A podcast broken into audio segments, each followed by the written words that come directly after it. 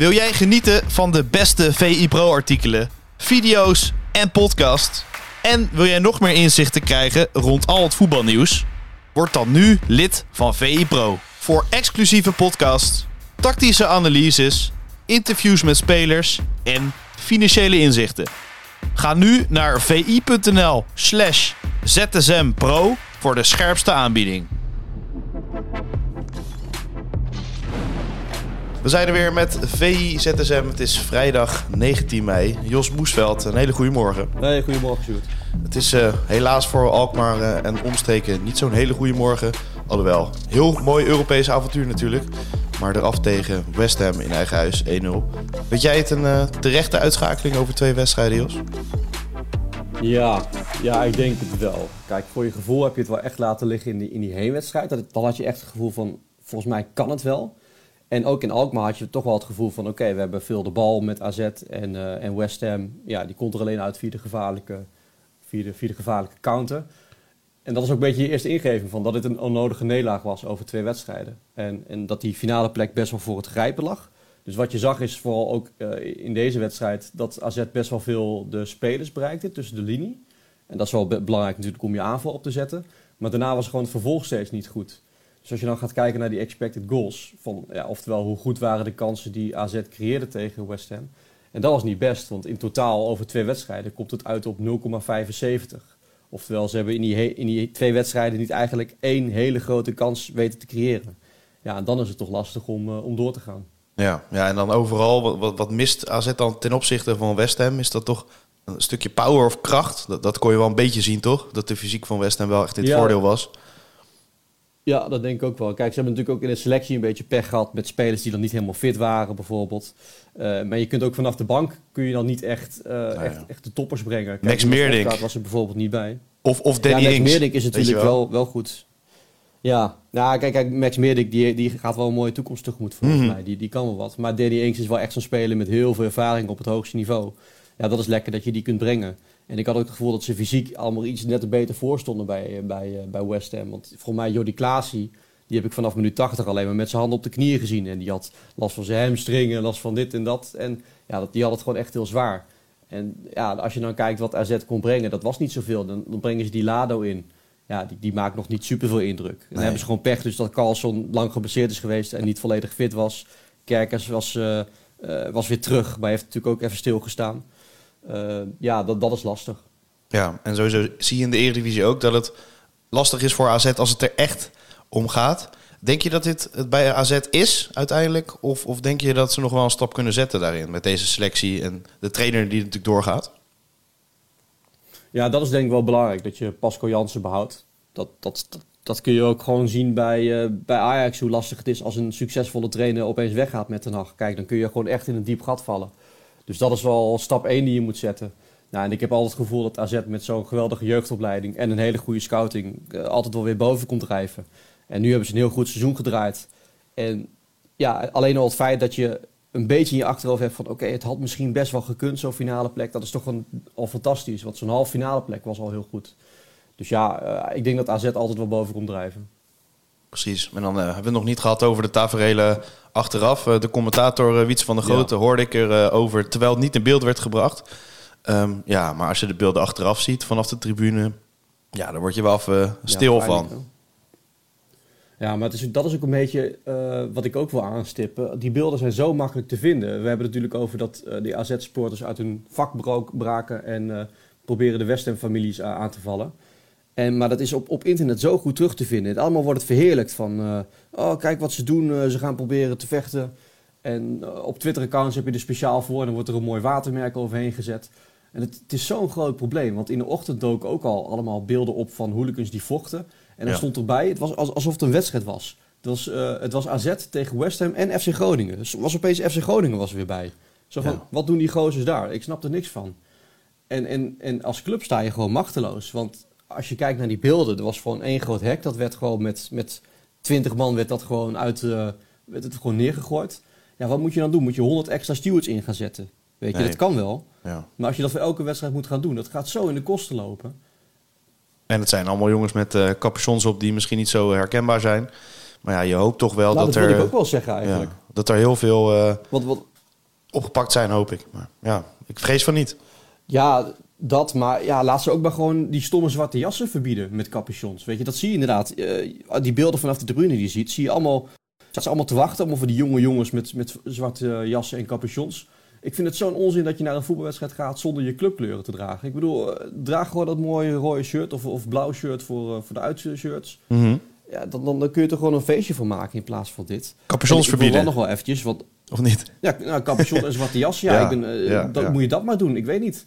Want dat, is, dat zorgt ervoor dat ze lekker anoniem kunnen gaan rellen. Die mhm. capuchons en zwarte jassen. Ja, moet je dat maar gaan doen. Want 100 extra stewards inzetten, dat zie ik ook niet gebeuren. Dan gaat de club kan geen winst meer maken tijdens wedstrijden. Omdat je al die stewards moet gaan betalen. Ja. Want wat je ook zag in die beelden, toen ze, toen ze dat hek gingen openbreken met 20 man of zo. En dus achter stond nog weer 20 man. Dus heb je het over 50 mensen die graag dat vak van West Ham wil bestormen. Ja, er stonden hoeveel stewards? 10? Ja, en die, gaan eh, ook niet, uh, die gaan ook niet alles tegenhouden. En Robert Eenhoorn die uh, hielp als steward een beetje hè? op een gegeven moment, zag ik ook. Dat is ook krankzinnig dat een directeur ja, ertussen staat. Dat is ook wel, ja. ja, dat is ook wel een grote vent hoor, dus die kan dat wel. Die komt natuurlijk uit de sportwereld, die weet wel met dat beltje te hakken. Maar wat ik ook, ik moet ook wel credits geven, want ik heb, ja, ik heb die beelden ook bekeken. Op dat gebied ben ik misschien ook wel een beetje sensatie zoeken. Maar dan moet ik wel credits geven aan twee fans van West Ham. Want die stonden gewoon bovenaan de trap daar. Als, uh, als die film 300 met die Spartanen tegen Perzië. Of een soort uh, Asterix en Obelix. Gewoon, uh, ja. Asterix en Obelix. Ja, eentje was ook was, was echt een mega fan. Was dat. Die was, was in een ketel met soep gevallen, die kerel. Maar die probeerde gewoon die hele groep supporters tegen te houden... totdat de ME een beetje kon optreden. Dus ja, dat is goed. dat vond ik leuk om te zien. En ik hoop dat ze erdoor beledigd zijn. Maar ik vind het zo belachelijk dat we hier weer... Het is fantastisch dat AZ een halve finale heeft gehaald van de Conference League... Super knap. En dan gaat het hierover. Want ook in Engeland spreek je de schande van. Ja, verschrikkelijk. En je bent ook niet gewend van AZ, toch? Het uh, heeft toch een imago van een vrij, vrij lieve club. Maar die uh, ben je zo langzaam wel aan het, uh, aan het verliezen, moet ik zeggen. Ja, ook dat. Ja, je gaat Europees gezien, ga je ook de boot in, om het zo maar te zeggen, op, met je imago. Dat is heel zonde. Ik had, ik had ook niet door dat het AZ zo was. Maar het, was, het begon al in de ochtend. Het werd er ook alweer gevochten. En ook daar verdwenen weer filmpjes van. Ja, ja. echt ontzettend zonde. We gaan maar uh, naar een ander onderwerp. Dat is uh, denk ik het beste. We sluiten dit maar even af. We hopen dat het... Uh... Ja, dus word ik weer boos. en ik ook. Um, ja, qua coëfficiënten. AZ heeft dus geen punten opgeleverd in deze halve finale in ieder geval. Deze reeks van AZ wel. Het is een beetje de balans opmaken nu. Hè? Want je gaat voor een coëfficiëntenstuk zitten...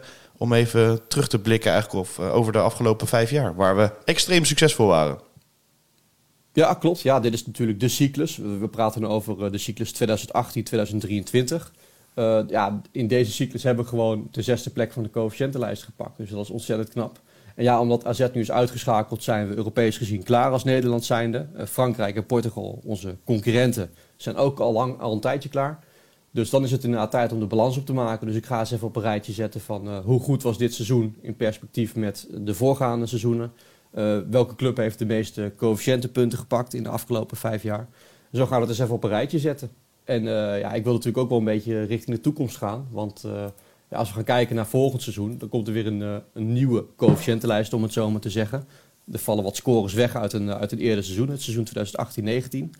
En dat heeft tot gevolg dat we Frankrijk bijvoorbeeld al ingehaald hebben, virtueel, op de coëfficiëntenranglijst van volgend seizoen. Dus dat is wel gewoon heel interessant dat je gewoon volgend seizoen als nummer 5 van de coëfficiëntenlijst begint aan een Europees seizoen. En dan ben je opeens uh, prooi in plaats van jager. Dus dat uh, is heel interessant om te kijken hoe we daarmee omgaan. Ja, want 18-19 was natuurlijk het Ajax-seizoen. Uh, Daar heel veel punten. Ja, dus heel veel mensen denken het.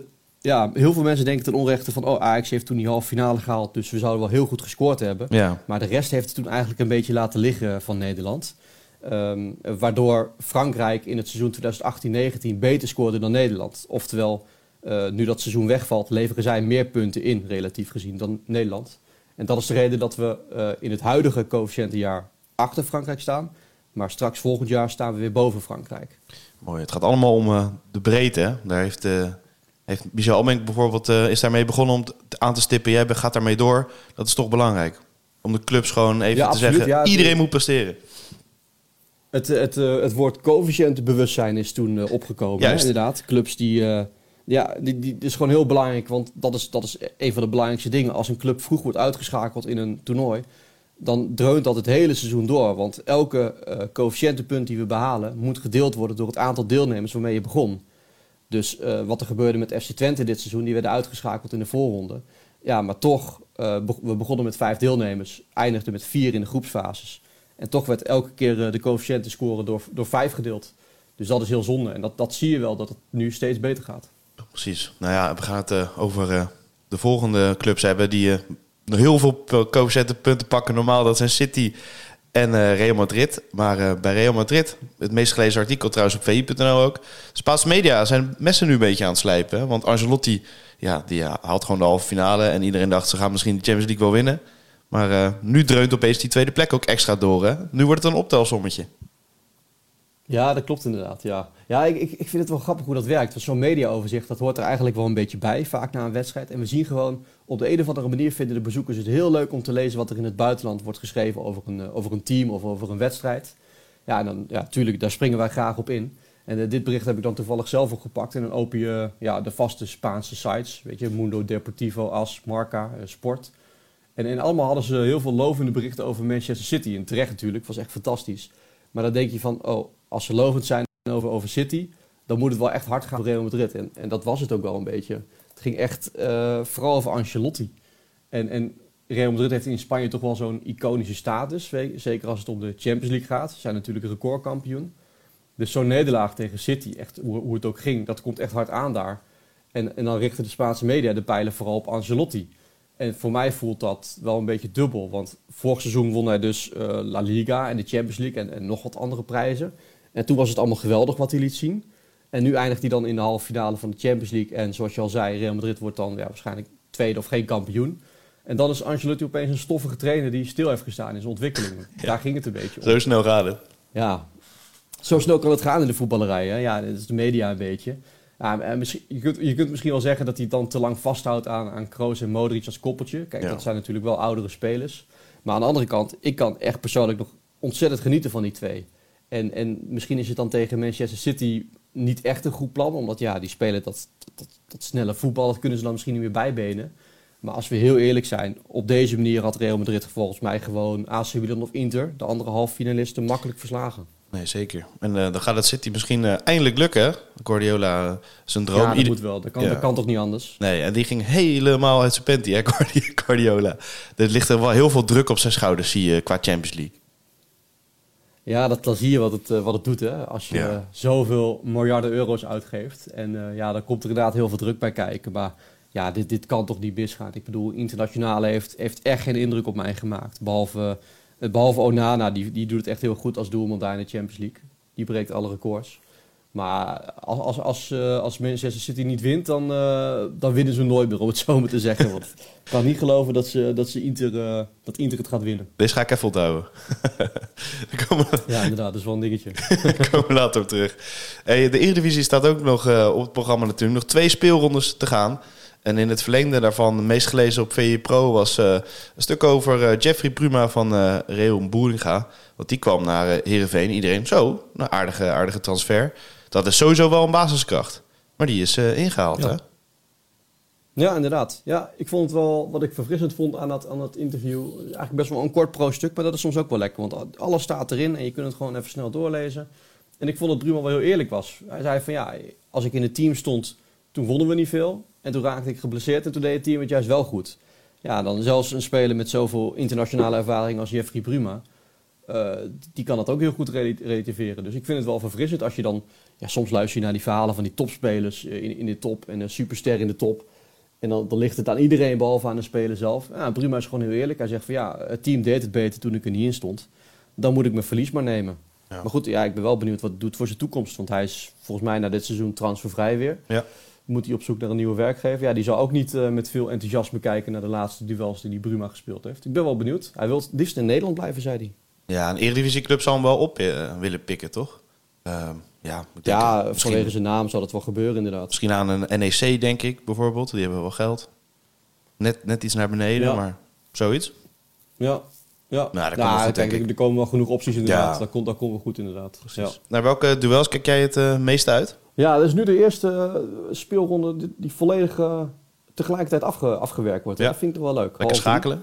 Ga je natuurlijk ouderwets, ouderwets schakelen inderdaad. Ja, daar heb ik nu weer zin in. Ehm, ja, als je kijkt in de Eredivisie, het is natuurlijk wel gestreden. Hè? Volgens mij is Feyenoord kampioen geworden. Weet jij daar iets meer van, Sjoerd? Mm, nee, ja, ik heb eigenlijk niet zoveel van meegekregen. Nee. ja, ja, dus bovenin is het wel beslist. Ja, het lijkt me ook dat PSV wel gewoon tweede wordt. Die hebben vijf punten voorsprong op Ajax. Ja. Dus dan zou je zeggen, oké, het gaat nu nog een beetje de strijd om plek 3, 3 en 4. Tussen Ajax en AZ. Dat is wel interessant. Dus dan ga je Ajax, Utrecht en uh, NSC, AZ, volgens mij, ga je er volgen. Ja. Maar ik vind, persoonlijk vind ik altijd de strijd onderin vind ik altijd nog wat net interessanter. En dan heb je dus uh, Excelsior en FCM die dan strijden om plek 15 en 16. Waarbij 16 uh, uh, je verdoemt tot de play-offs. Dus dan ga je ook automatisch een beetje kijken naar Emmen Feyenoord. Nou, dan zie je ook even de kampioen aan het werk. Dat is niet verkeerd. En Excelsior speelt tegen... Fort Fortuna thuis. Ja, tegen Fortuna Sittard. Ja. ja. Die moet, daar Dus moet ja, het echt dat is- Dat is een gebeuren wedstrijd die ze... voor Excelsior. Ja, dat zou je inderdaad kunnen zeggen. Ja. Dus dan, dan ja, zou je wel kunnen zeggen dat Excelsior thuis tegen Fortuna Sittard wel zou kunnen winnen.